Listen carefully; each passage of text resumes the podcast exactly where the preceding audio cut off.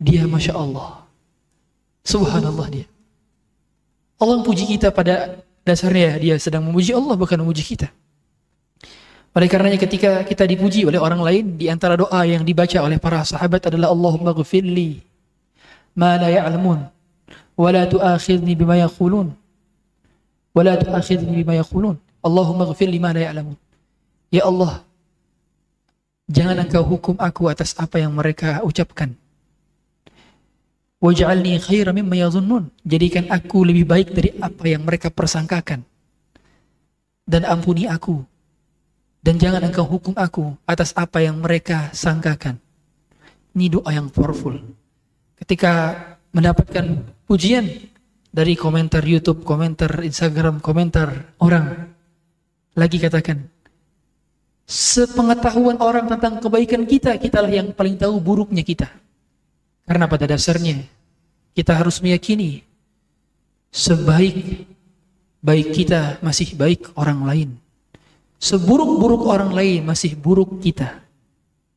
Harus punya mindset demikian. Jangan kebalik. Sebaik baik orang lain masih baik saya. Seburuk-buruk saya masih buruk orang lain. Jangan kebalik. Makanya di antara pandangan orang beriman ketika para ulama ditanya, apa definisi tawadhu? Tawadhu adalah dengan tidak pernah melihat orang lain lebih rendah dibandingkan dirinya. Kalau kita melihat orang masih merasa dirinya, diri kita lebih buruk dari orang tersebut, maka berarti itulah definisi tawadu.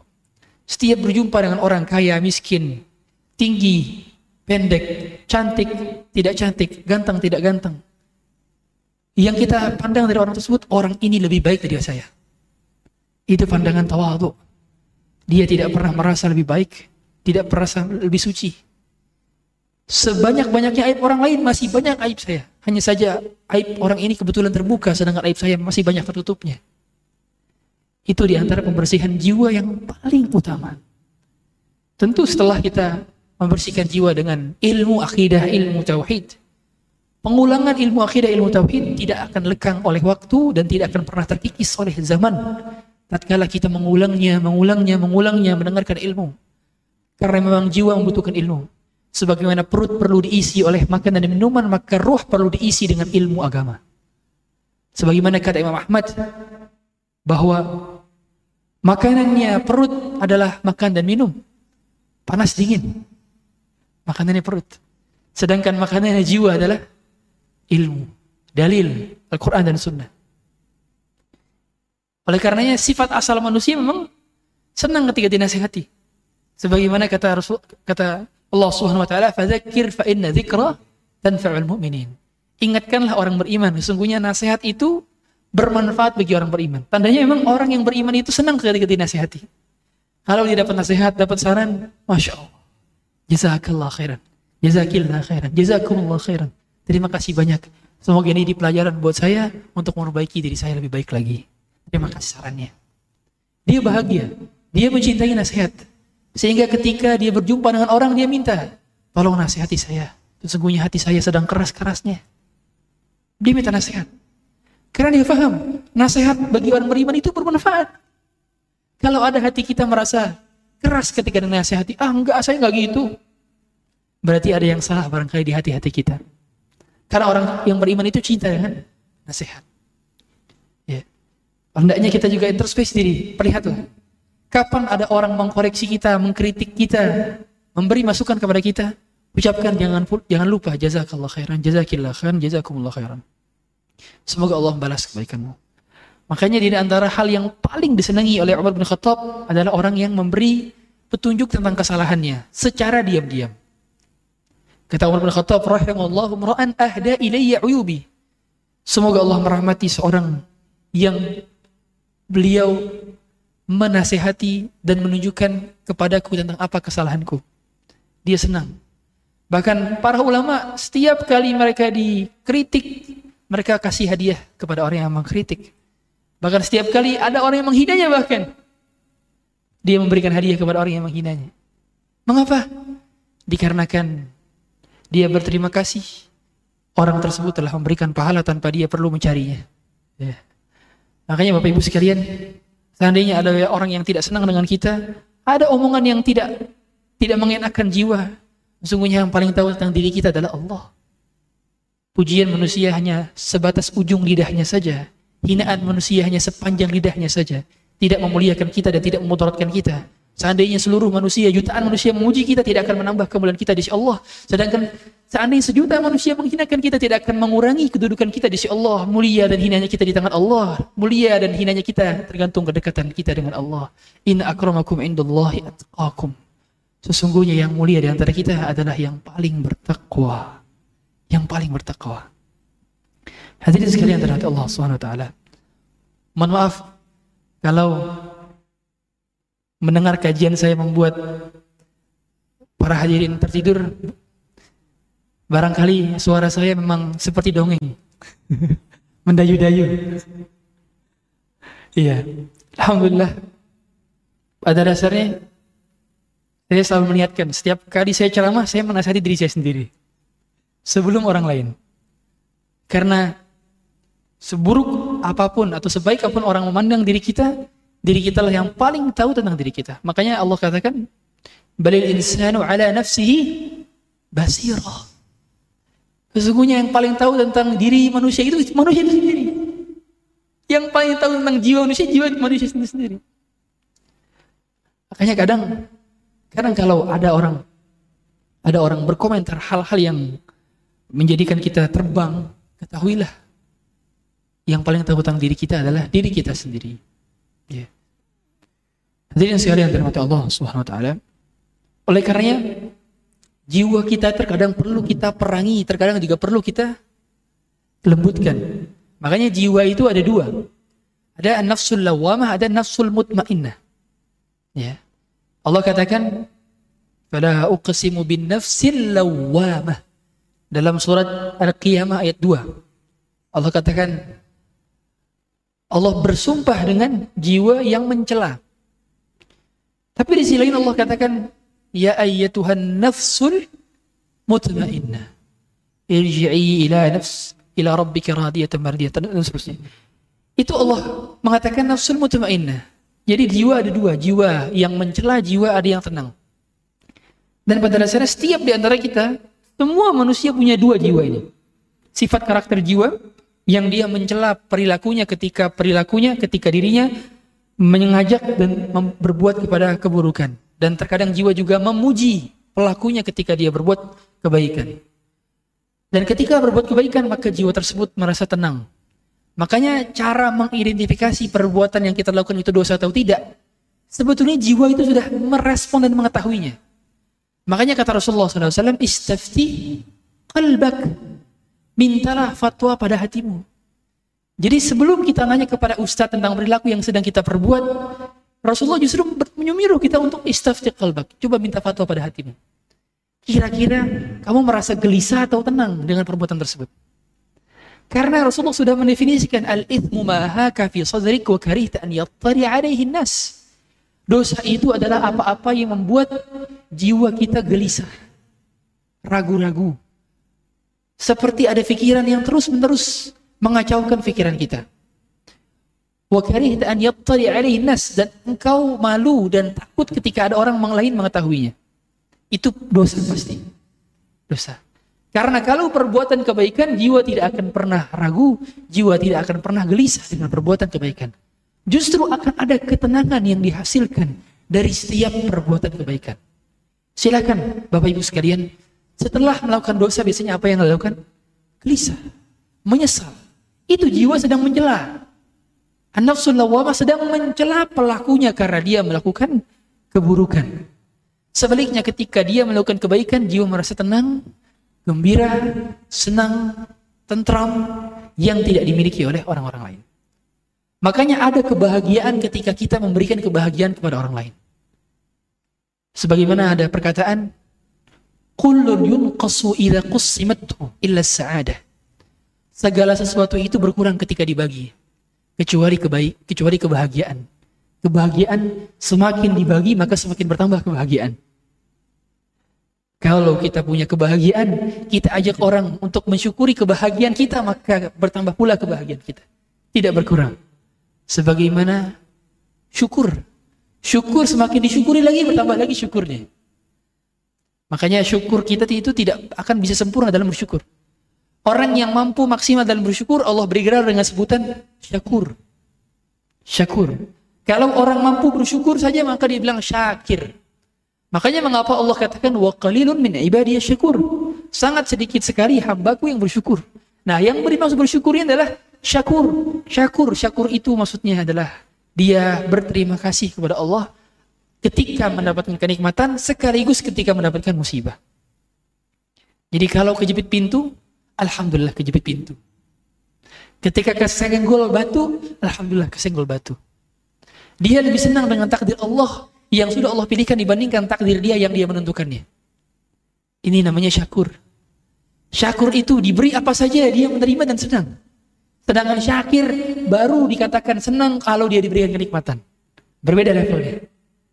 Makanya kalau dia mendapatkan musibah, masih aja lisannya mengucapkan Alhamdulillah, berarti dia kategorinya syakur. Contoh, rumahnya kebakaran. Tapi dia masih bisa mengucapkan Alhamdulillah, kursi ini gak kena kebakaran. Padahal semuanya kebakaran kecuali kursinya doang. Tapi dia nggak mengucapkan, ya gimana ini rumah. Dia masih sempat-sempatnya dan memikirkan positifnya. Subhanallah, Alhamdulillah, kursi ini gak kebakaran. Alhamdulillah saya nggak berada di sana pada saat itu. Alhamdulillah, saya bersyukur sekali saya nggak berada di sana. Yang dicari adalah Alhamdulillah ya bukan yahnya. Ini kategorinya hati yang bersih. Di mana dia memikirkan setiap keadaan harus ada ucapan kata Alhamdulillah di setiap keadaan. Makanya orang beriman ketika mengucapkan ketika dihadapkan musibah apa yang diucapkan? Alhamdulillahi ala kulli hal. Segala puji bagi Allah atas segala keadaan. Makanya orang beriman itu dalam keadaan dia mengucapkan alhamdulillah. Meskipun memang tingkatan terendah ketika orang mendapatkan ujian dan cobaan adalah dengan bersabar. Level terendahnya adalah dengan bersabar. Dan orang beriman selalu bahagia dan tenang ketika dia mendapatkan apa pun yang Allah berikan kepadanya. Ida ida ketika diberikan ida ubtiliya sabara wa ida utiya syakara wa ida adna istaghfara. Sebagaimana kata Ibnu Qayyim, orang beriman itu lingkupnya hanya di tiga ini saja. Di tiga. Ida utiya syakara, ketika diberikan dia bersyukur, wa ida ubtiliya sabara, ketika diberikan cobaan dia bersabar, Wa idza adnaba istaghfara. Kalau dia berdosa maka langsung beristighfar. Karena kehidupan kita hanya berputar di tiga ini saja. Bahkan kehidupan kita juga berputar di delapan hal. Tamaniyatun tajri 'ala nasi kullihim wa la budda lil insani an yalqa thamaniyah. Delapan hal yang selalu manusia rasakan. Delapan hal. Sururun wa huzun wa ijtima'un wa furqatun usrun wa yusrun thumma saqmun wa afiyah sururun wa huznun, kesedihan dan kesenangan. Wajtima'un wa furqatun. Kemudian pertemuan dan perpisahan. Usrun wa yusrun summa saqmun wa. Kesulitan dan kemudahan, sakit dan sehat. Delapan hal ini kita putar. Kalau nggak sakit sehat, kalau nggak sehat sakit. Kalau nggak susah mubah, kalau nggak mudah susah. Kalau tidak senang Sedih kalau tidak sedih, senang. Kalau tidak berjumpa maka berpisah, kalau tidak berpisah maka berjumpa. Tiap ada perpisahan maka ada perjumpaan.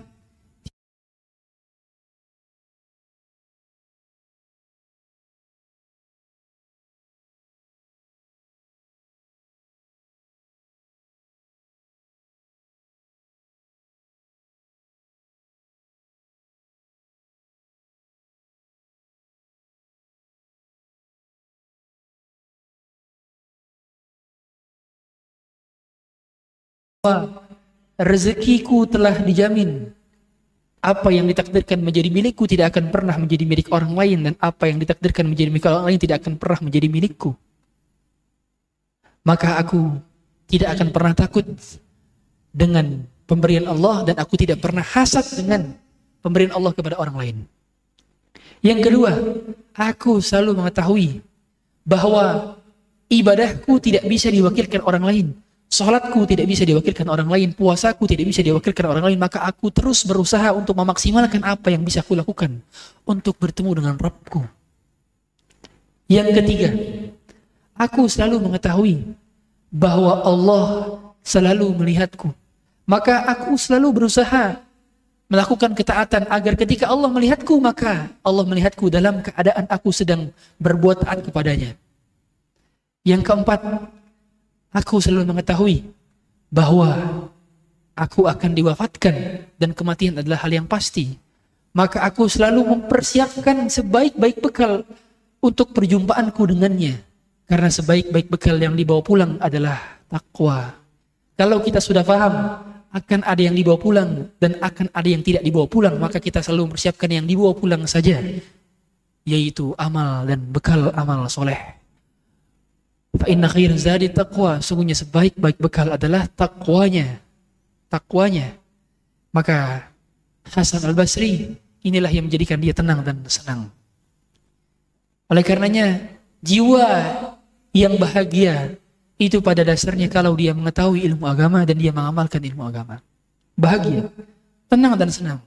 Hidupnya sebesar apa pun orang berkomentari tentang masalah hidupnya, dia senang dan tenang. Sekecil apa pun dia menghadapi permasalahan hidupnya, dia senang dan tenang. Karena dia faham bahwa Allah melihatnya, Allah bersamanya, dan Allah selalu melindunginya. Hadirin sekalian dirahmati Allah Subhanahu wa taala. Oleh karenanya Pembersihan jiwa erat kaitannya dengan zuhud dan wara. Zuhud dan wara. Apa itu zuhud, apa itu wara? Wara adalah meninggalkan segala perkara yang mengancam di akhiratnya. Tarkuma yakhafud dararuhu fil akhirah. Meninggalkan segala macam perkara yang dikhawatirkan takut menimpa dia di hari kiamat.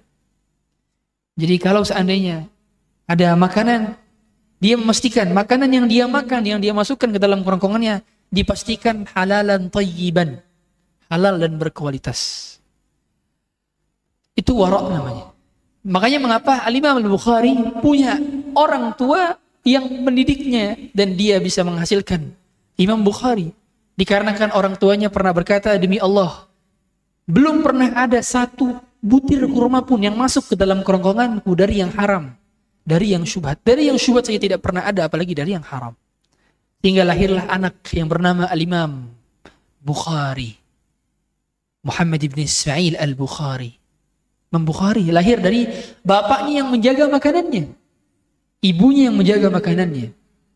Adapun zuhud adalah berpilah-pilih tentang apa yang dia beli, apa yang dia miliki.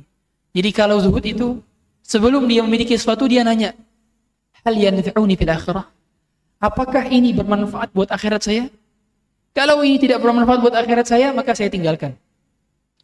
Makanya di antara syekh ada dahulu syekh pernah di, ditawarkan, mau beli ini syekh, mau minta mau dapat ini syekh.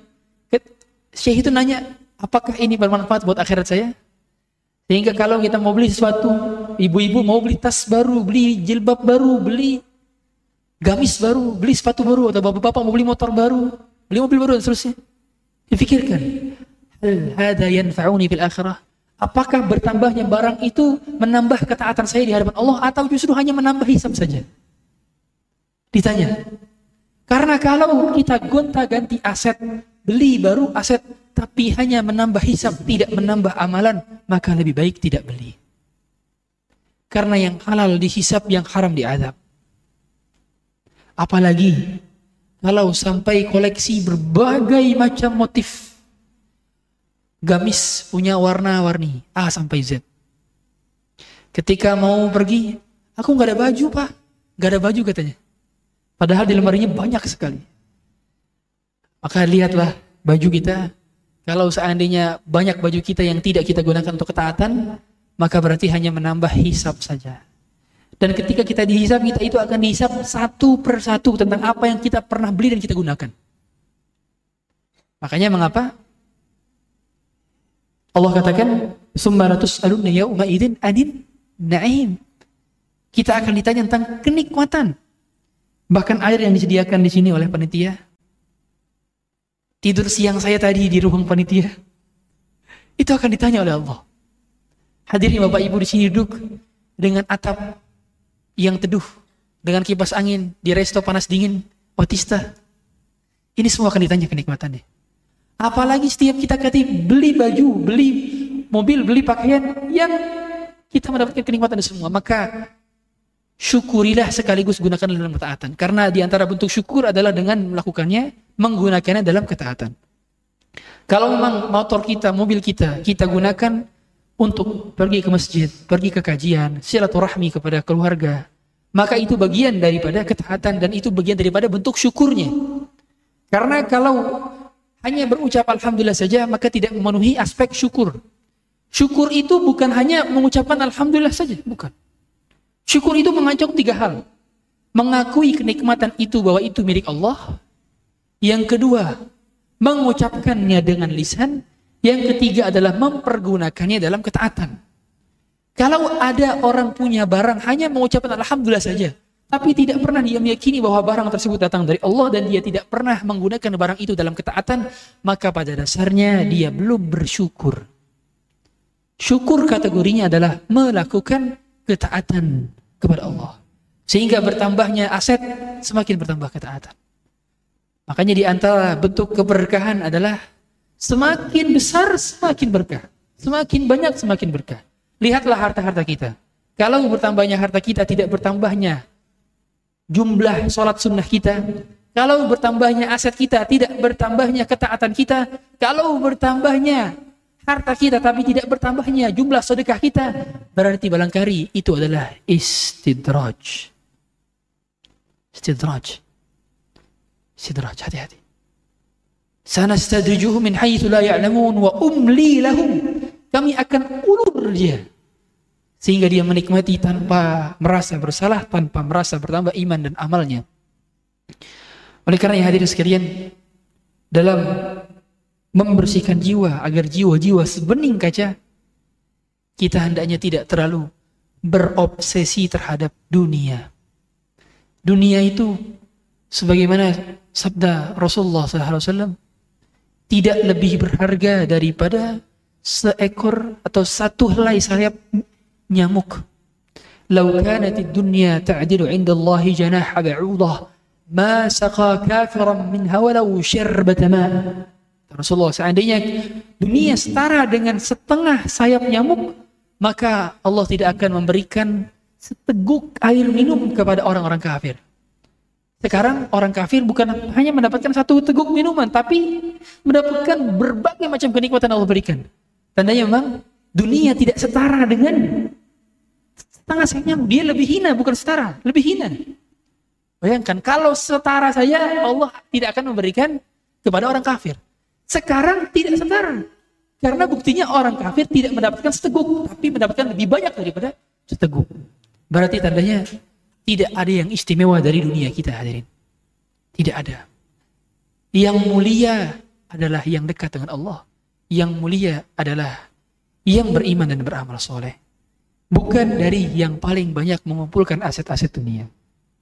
Maka seringnya jiwa kita kotor itu dikarenakan kita bangga ketika dunia kita bertambah dan sedih ketika dunia kita berkurang. Makanya di antara salah satu tanda jiwa yang bersih, jiwa yang zuhud, hati yang zuhud adalah bertambahnya dunia tidak membahagiakannya dan berkurangnya dunia tidak menyedihkannya. Kalau kita, dompet kita hilang, perasaannya sama saja seperti punya dompet. Berarti itu zuhud. Tapi kalau berkurangnya harta kita, kita sedihkan, berarti itu belum zuhud. Belum zuhud. Sama, kalau kita dapat kenikmatan, kita dipuji orang, kita bahagia. Sedangkan kita dicela orang, kita kita sedih, berarti belum zuhud. Karena zuhud itu pujian dan hinaan manusia sama saja di levelnya. Di depan dia tidak berguna pujian dan hinaan manusia. Sama saja, sawaun bainal madhi wal qadahi. Sama antara pujian dan hinaan. Sama antara pujian dan cercaan. Sama antara pujian dan celaan. Sama. Dia tidak menganggap istimewa pujian dan tidak sedih dengan hinaan. Ini hati di mana hati sebening kaca. Hati sebening kaca adalah ketika kita juga berempati kepada orang lain. Makanya mengapa Rasulullah katakan al-mu'minu mir'atul mu'min. Seorang beriman itu adalah cerminnya bagi orang beriman lainnya. Mengapa Rasulullah sampaikan bahwa orang mukmin itu cermin bagi wanita, bagi orang lainnya? Kenapa pakai kata cermin? Coba perhatikan. Kalau kita bercermin, seandainya ada kotoran di rambut kita, yang kita bersihkan cerminnya apa kitanya? Kitanya. Sehingga ketika kita melihat ada kesalahan pada orang lain, sebelum kita peringatkan dia, kita introspeksi diri kita. Makanya sebelum kita menasihati dia atau sesudah kita menasihati dia, kok dia nggak berubah? Kita introspeksi diri kita. Karena barangkali ada kesalahan itu pada diri kita. Sebagaimana tadi di awal saya sampaikan, seandainya Bapak Ibu sekalian keluar dari sini tidak bertambah iman dan ilmunya, berarti itu salah saya, bukan salah Bapak Ibu. Berarti salah saya. Karena sayanya yang salah berarti. Sayanya yang tidak mempersiapkan keimanan dan keilmuan. Buktinya tidak tersampaikan. Kalau seandainya ilmu itu tersampaikan, maka Bapak Ibu sekalian keluar dari sini imannya bertambah, ilmunya bertambah. Karena seorang guru itu ketika dia di kajian, dia tidak hanya transfer ilmu, tapi juga transfer iman. Transfer iman. Bagaimana mungkin kalau kami di sini mentransfer keimanan sedangkan kami keimanannya tidak sempurna sebelumnya. Oleh karenanya, kalau kita menasihati orang lain, orang lain tidak berubah dengan nasihat kita. Barangkali ini karena nasihat yang keluar dari lisan saya, nasihatnya tidak datang dari hati yang ikhlas. Barangkali nasihat itu keluar dari hati saya yang merasa lebih baik daripada dia. Ini, hal semacam ini jiwa-jiwa yang bening sebening kaca yang berat makanya mengapa kita paham semua hadis bagaimana Rasulullah menjamin seorang yang masuk surga seorang dari kalangan pemuda di antaranya adalah Rasulullah menjamin berkumpul dengan para sahabatnya Rasulullah kemudian ada seorang laki-laki yang masuk dari pintu sini nanti ada akan pemuda yang masuk dari pintu sini dari penghuni surga. Muncul pemuda yang jenggotnya basah dengan air wudhu dan dia sedang menenteng sendalnya. Di hari berikutnya sama lagi. Rasulullah menjamin akan ada seorang penghuni surga yang masuk dari pintu ini. Lagi itu lagi. Hampir di hari ketiga demikian. Abdullah bin Amr bin As penasaran dengan pemuda ini. Akhirnya dia menuju rumah pemuda ini. Kemudian izin untuk menginap. Menginap di malam hari, dia dapati dia tidak sholat malam, siangnya tidak puasa, amal solehnya biasa-biasa saja. Sampai di hari ketiga, dia Abdullah bin Amr bin As bertanya kepada pemuda ini, Wahai,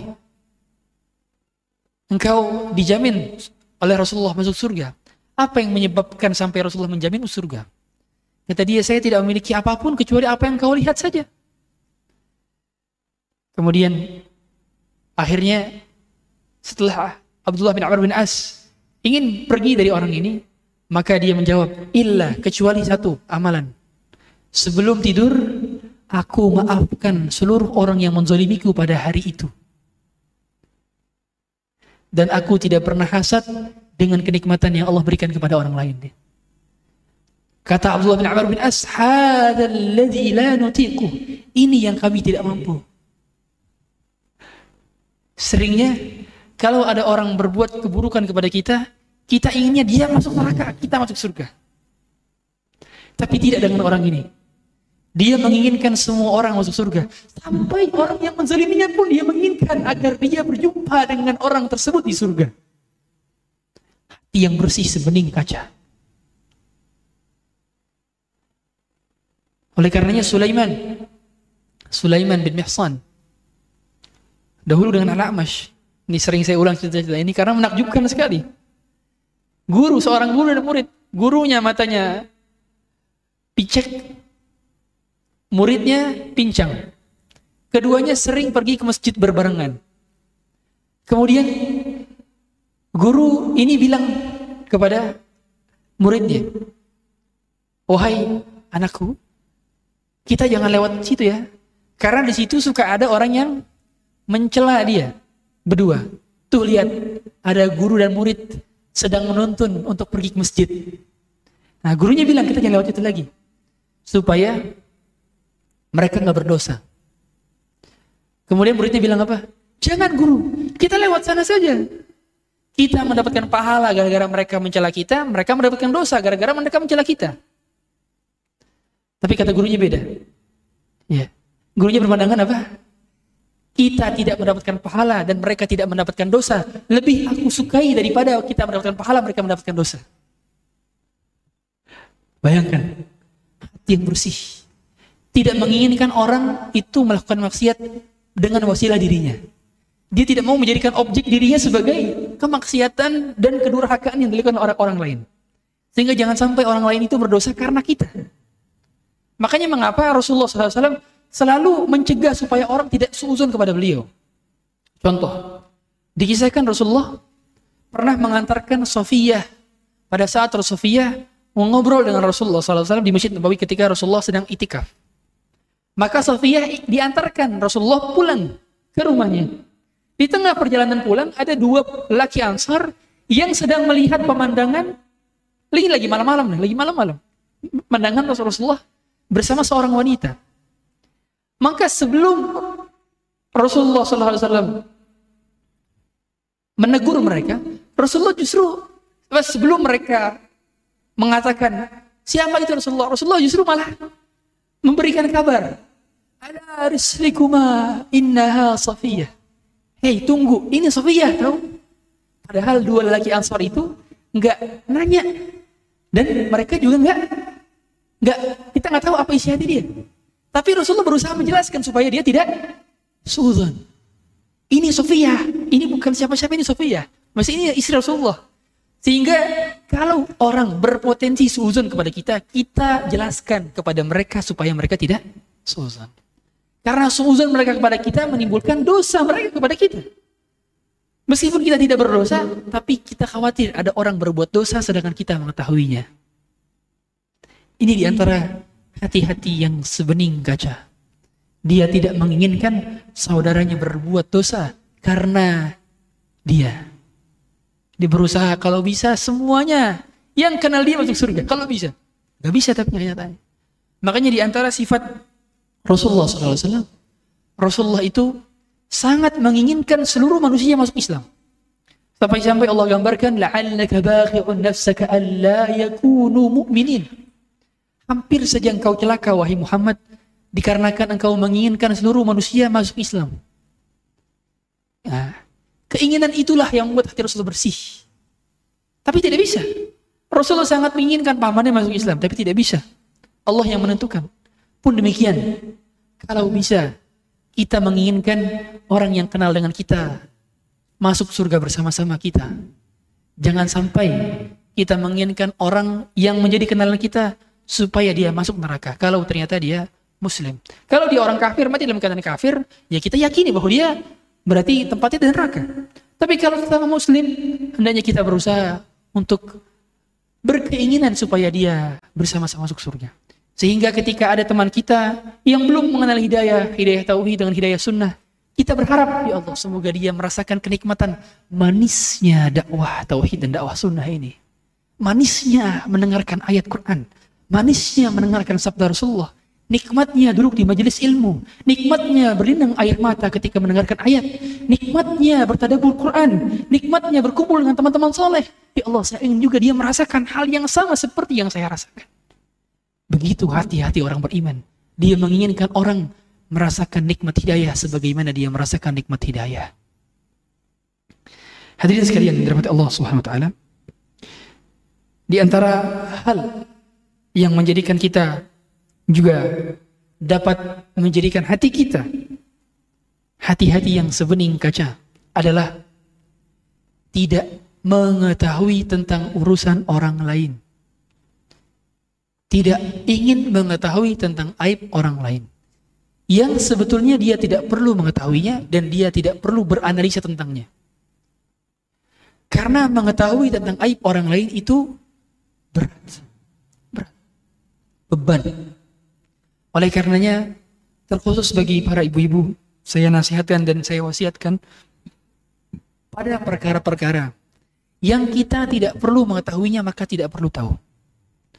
Misalkan tentang rumah tangga orang lain, rumah tangga tetangga, seperti apa keadaannya, kita tidak bisa berspekulasi dan tidak perlu berspekulasi. Karena mengetahui aib orang lain beban. Beban bagi kita. Beban karena kita dituntut untuk menjaganya, sekaligus beban untuk tidak berspekulasi tentangnya. Karena biasanya kita menjadi lebih sering berspekulasi karena kita mengetahuinya. Kayaknya gini deh, kayaknya gini deh. Padahal kita nggak tahu hakikatnya seperti apa.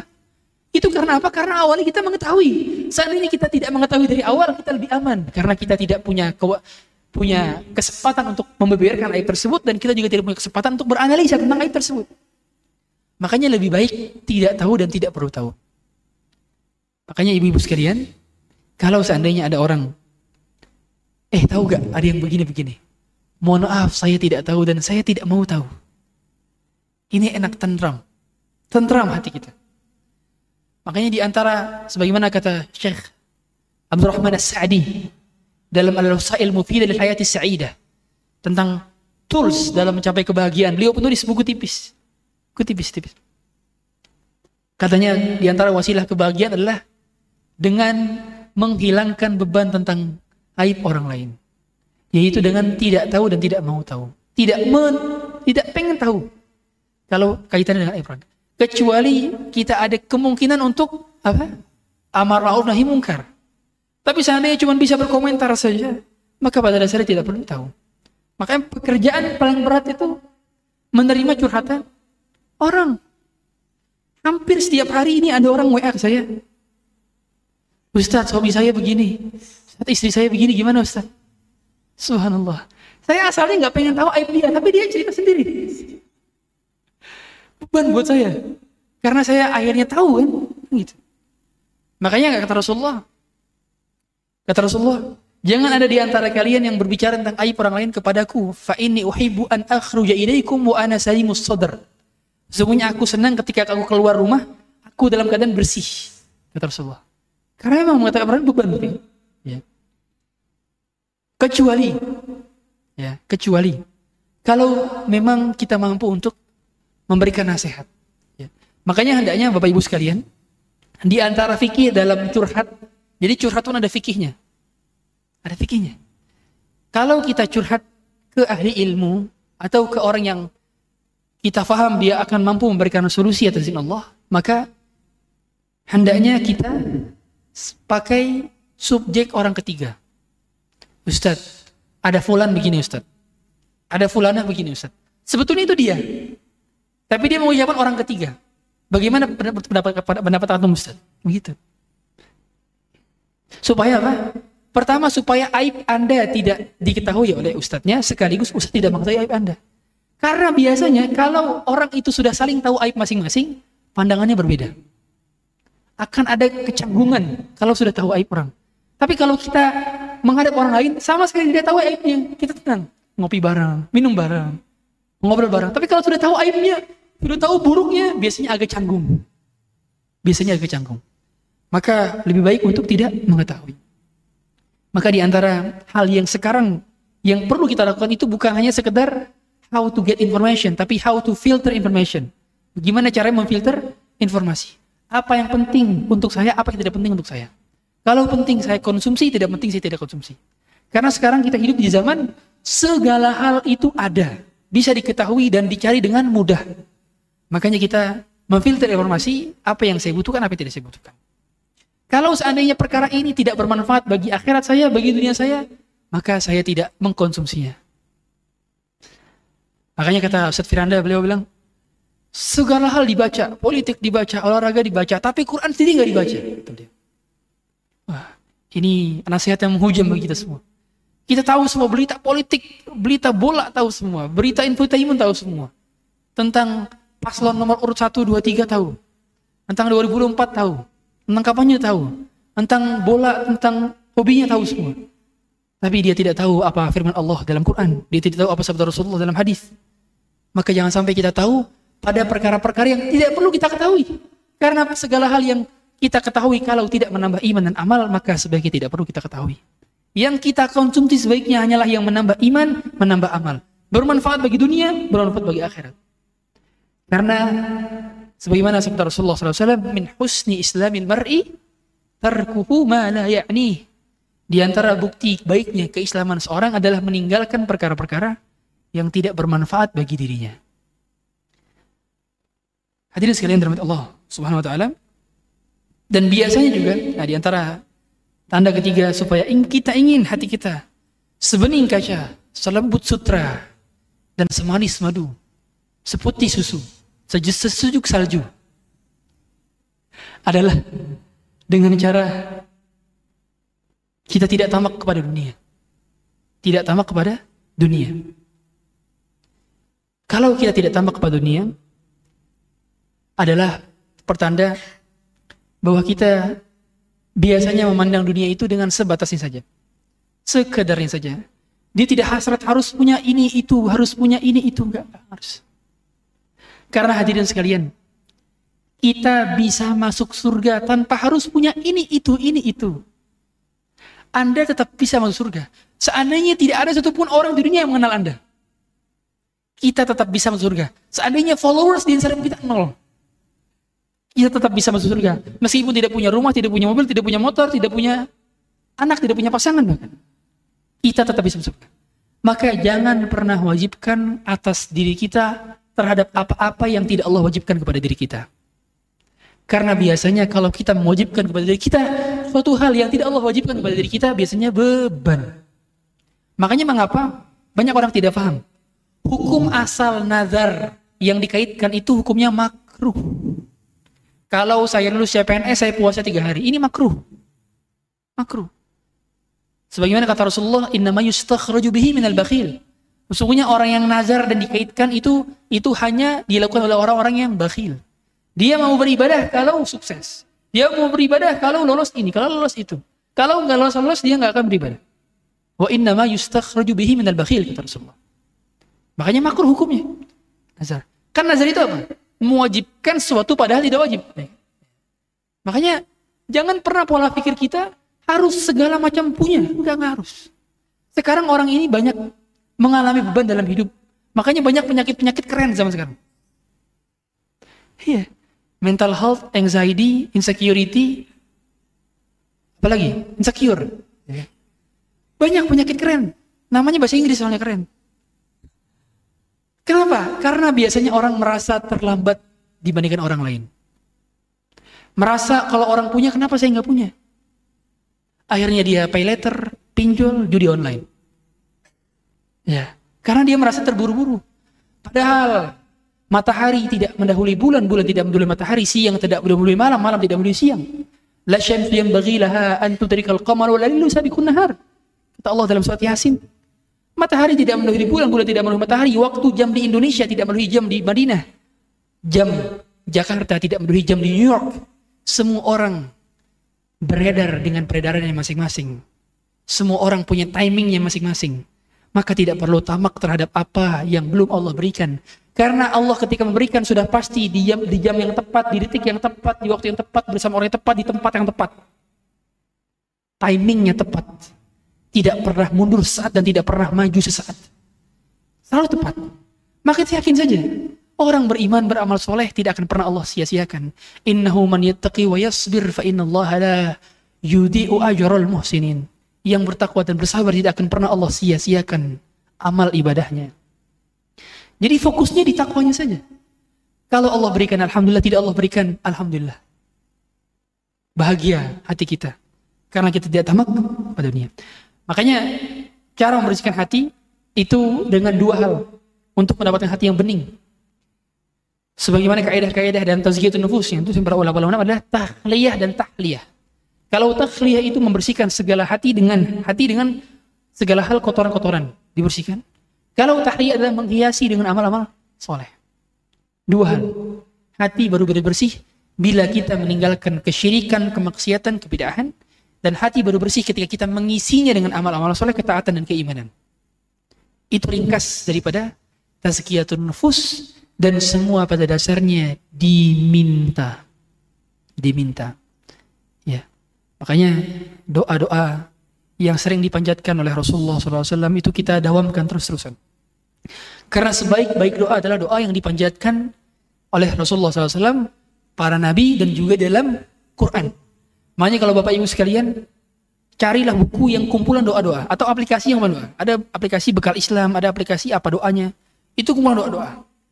Hendaknya setiap hari kita baca terutama kalau zikir pagi petang itu isinya doa-doa yang menjadi starter pack minimal di pagi hari kita baca, di, di petang hari kita baca. Dan hal-hal yang demikian inilah yang menjadikan kita bisa menjalani hidup dengan bahagia, tenang karena ada keimanan yang menjadi tamengnya, bekalnya. Hidup ini mudah, seringnya gengsinya yang dibawa sulit. Hidup ini mudah, seringnya kita yang berlebihan menanggapi respon orang. Hidup ini mudah, seringnya karena kita tidak tahu ilmunya. Karena hidup ini mudah kalau punya ilmunya. Makanya mengapa yang menjadikan kita mudah menjalani hidup semua setelah Allah yang mudahkan adalah ilmu ilmu. Orang semakin paham ilmunya, semakin mudah menjalani kehidupan. Semakin tidak paham ilmunya, semakin sulit menjalani kehidupan. Kuncinya di ilmu. Maka Bapak Ibu sekalian, setiap kali ada kesempatan untuk bermajelis ta'lim, jangan pernah sia-siakan. Hadiri. Meskipun hanya duduk, meskipun tertidur. Saya yakin ada yang ngantuk-ngantuk di sini. Ya. Alhamdulillah, apalagi anginnya sepoi-sepoi. Alhamdulillah.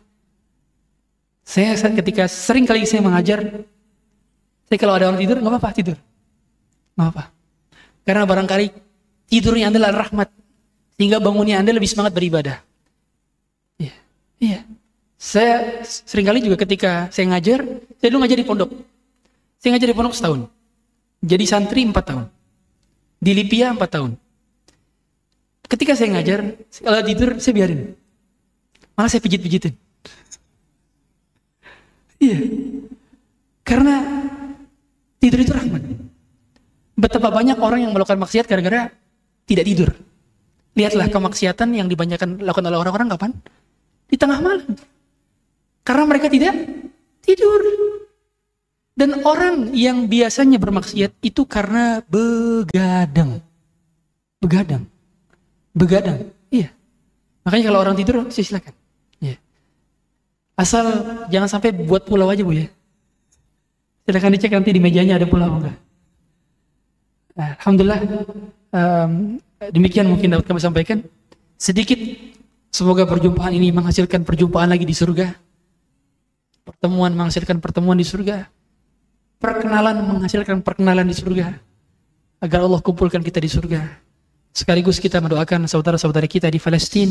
Semoga Allah Berikan kepada mereka kesabaran, keteguhan iman, dan Allah tolong mereka semuanya berada di sana. Apabila ada yang ingin ditanyakan dan diskusikan, kami persilakan. Allah alam.